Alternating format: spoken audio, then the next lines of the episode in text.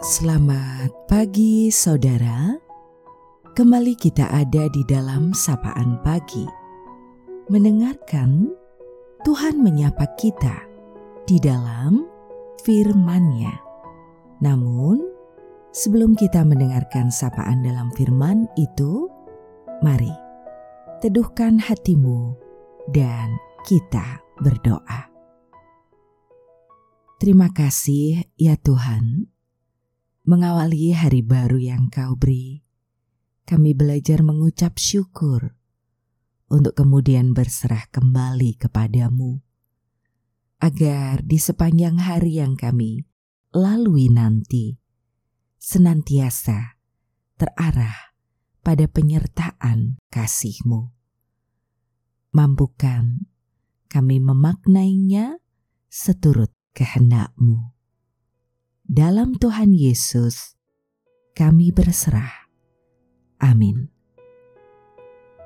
Saudaraku, sapaan dalam firman-Nya pada saat ini kita terima melalui bagian surat Paulus dalam Efesus pasal 4 di ayat yang kedua. Hendaklah kamu selalu rendah hati, lemah lembut, dan sabar tunjukkanlah kasihmu dalam hal saling membantu. Kita akan refleksikan dalam tema Tunjukkan kasihmu.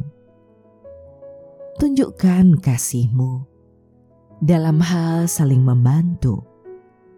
Karena kasih sejati baru bisa dirasakan saat dibagikan.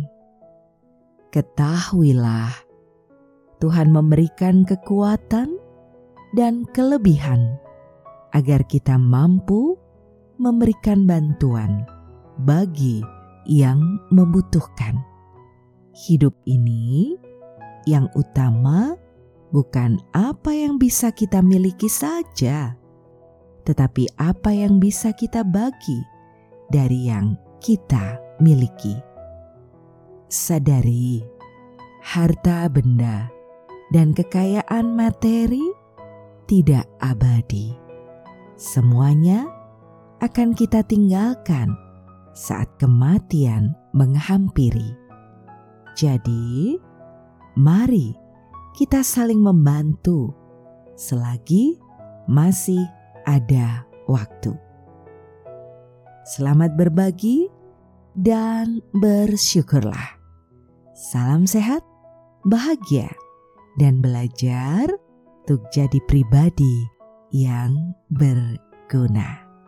Tuhan merengkuhmu dengan segala cinta dan kasihnya. Saudara, kita akan akhiri sapaan pagi ini dan mari kita berdoa. Terima kasih ya Tuhan, Kau memberi anugerah kehidupan, melimpahi berkat dalam untayan suka dan duka.